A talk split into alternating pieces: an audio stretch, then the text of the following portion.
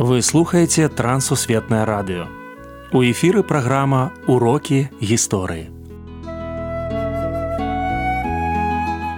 Запрашаем у падарожжа падзей, асоб і фактаў. Вучыцеся разам з намі.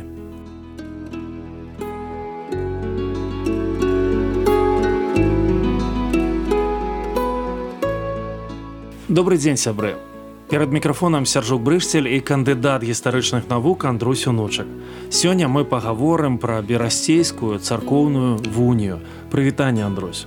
Прывітанне сяржук. Прывітанне шаноўныя слухачы. Рэфармацыя і канфесійнае становішча ў Беларусі ў 16 стагоддзе сапраўды калі казаць пра берасцейскую царкоўную унію то трэба пачынаць з рэфармацыі. Канфесійнае становішча ў 16 стагоддзі было размаітым у тым сэнсе што існавалі тры канфесіі. Гэта праваслаўная канфесія гэта каталіцкая і пратэстанцкая. Гэта век рэфармацыі.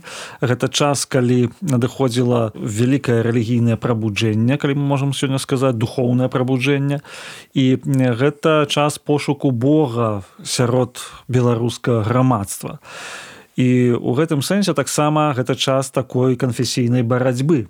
Таму што многія рэчы якія у нам сёння здаюцца ну натуральнымі. Ну что кожны чалавек веруючы ён можа чытаць біблію мець уласную біблію тады былі зусім невідавочныя. За гэта трэба было змагацца. Што кожны чалавек хрысціянін ён павінен мець асабістыя адносіны з Богом тады таксама гэта ўяўлялася по-рознаму і таму канешне вось на фоне гэтай барацьбы і адбываліся тыя працэсы якія ўрэшце рэшт прывялі да берасцейскай царкоўнай уніі Як узнікла ідэя аб'яднання праваслаўнай і каталіцкай цэркваў у вялікім гнястве літоўскім. Ад самага пачатку хрысціянства ў Беларусі было шматканфесійным. Што я маю на ўвазе? Яшчэ ў 10 стагоддзе ў канцы 10 стагоддзя адбылося прапаведавання хрысціянства з двух бакоў. Умоўна кажучы з захаду і з усходу. З захаду прыехаў торвальд вандроўнік з усходу з візантыі прыйшло хрысціянства праз рагнеду і ізяслава. І ўтварыліся дзве канфесіі адначасова. Яны тады яшчэ не былі падзелены яны былі падзеленыя толькі ў 11 стагоддзі але ў беларусі ўжо існавалі вернікі і ўсходняга абраду і заходняга абраду. Таму наша гісторыя на вымагала нейкага сінтэзу нейкага аб'яднання тым больш што і ў самім хрысціянстве адбываліся працэсы з гэтым звязаныя. Напрыклад флорентыйская вуня 1439 году калі была абвешчана аб аб'яднанні праваслаўнай каталіцкай церкву асабліва гэта праблема стала актуальная пасля захопу туркамі константынополя 1453 годзе. А у 16 стагоддзі адбылася спроба паяднання гэтых церкваў у адну толькі на тэрыторыі вялікае княства літоўска. І паступова вось гэта гэта збліжэнне яно адбывалася. Але разам з тым былі і тыя працэсы якія перашкаджалі гэтаму. Таму ну наша гісторыя яна і падштурхоўвала можна сказаць. Чаму месцам падпісання вуніі стала берасці берасці на той момант а гэта конец 16 стагоддзя. Гэта быў стратэгічны такі пункт для хрысціянства. Тут была супольнасць якая ілюстравала шмат канфесійнасць нашай краіны. Каталікі праваслаўныя пратэстанты геаграфічнае размяшчэнне. Калі мы побачым дарогу там с кракова да вільні далей да маскоўскай мяжы то тут канешне у самай сярэдзіне гэтых земляў знаходзілася менавіта гэта берасця адзін з цэнтраў праваслаўя кіяў тут недалёка. Адзін з цэнтраў каталіцызму кракаў адзін з цэнтраў пратэстантызму вільня.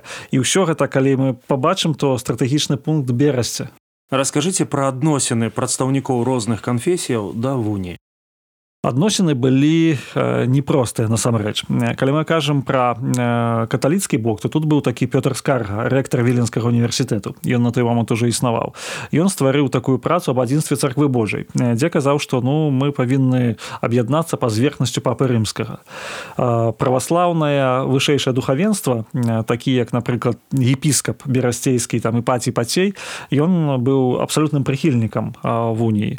Разам з тым сярод праваслаўных магнатаў напрыклад князь константин астроскі быў праціўнікам вуніі радыкальным сярод пратэстантаў таксама былі тыя людзі якія выказвалі негатыўнае стаўленне таму што лічылася што гэта унія накіравана супраць рэфармацыі Таму гэта унія скажем так падзяліла грамадства нават сама ідэя уніі ўжо падзяліла грамадства і канфесіі пазітыўныя і негатыўныя вынікі сабор на якім была прынята унія ён праходзіў у берасці у кастрычніку 1000 596 году. Там была гэта унія падпісана. Кіраўніком царквы станавіўся папа рымскі захоўвалася праваслаўная абраднасць і фактычна праваслаўныя атрымлівалі палітычныя правы якіх яны раней не мелі але разам з тым праходзіў альтэрнатыўны сабор у доме пратэстанта райскага.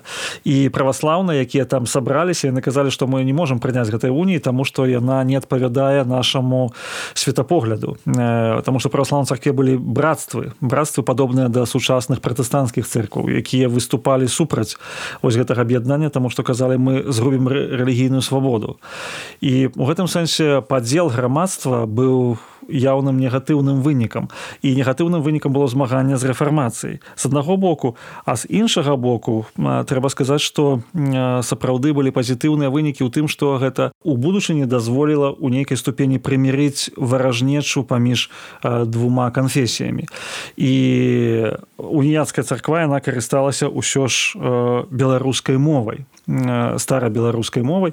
І на працягу вось далейшых далейшай нашай гісторыі далейшых падзеяў мы можемм адназначна сказаць што беларуская мова яна стала адной з афіцыйных моваў у уніяцкай царкве. Хоць у Урэшце рэшт уніяцкая царква была скасавана, але яна пакінула свой пэўны культурны след у нашай гісторыі. З чаго было больш негатыўных ці пазітыўных вынікаў урэшце рэшт сказаць цяжка, але мы можемм сказаць адно, што скіраванасць яе супраць рэфармацыі яна прывяла да яўных негатыўных наступстваў, што пацярпелі ад гэтага тыя здабыткі эпохі рэфармацыі якія стварылі залаты век беларусі. І ў гэтым сэнсе мы безумоўна павінны таксама разглядаць гэту вунію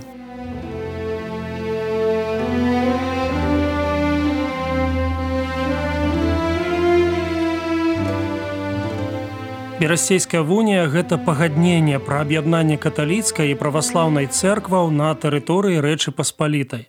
Трэба разумець што вунія была прынята не паспешна а пасля працяглых роздумаў.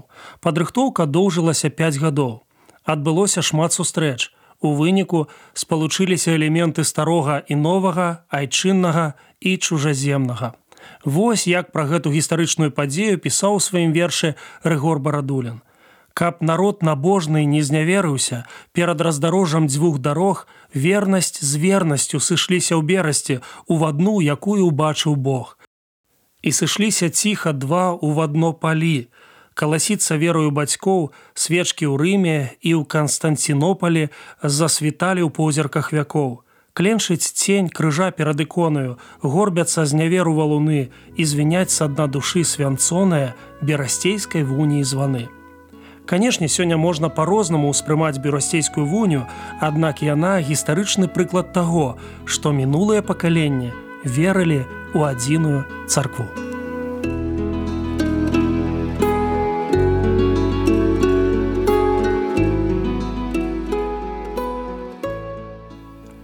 Дзякую, што далучыліся да нашага праекту. Калі ў вас ёсць пытанні, пішыце каля ласка на адрас. Трансусветнае радыё урокі гісторыі. Паштовая скрынка 45, індекс 22 40 20, горад Брест 20, Беларусь. Пакідаю для сувязі электронную пошту rmtwr.by сабачка gmail.com. Шукайце нас на сайце twr.fm. Да новых сустрэч!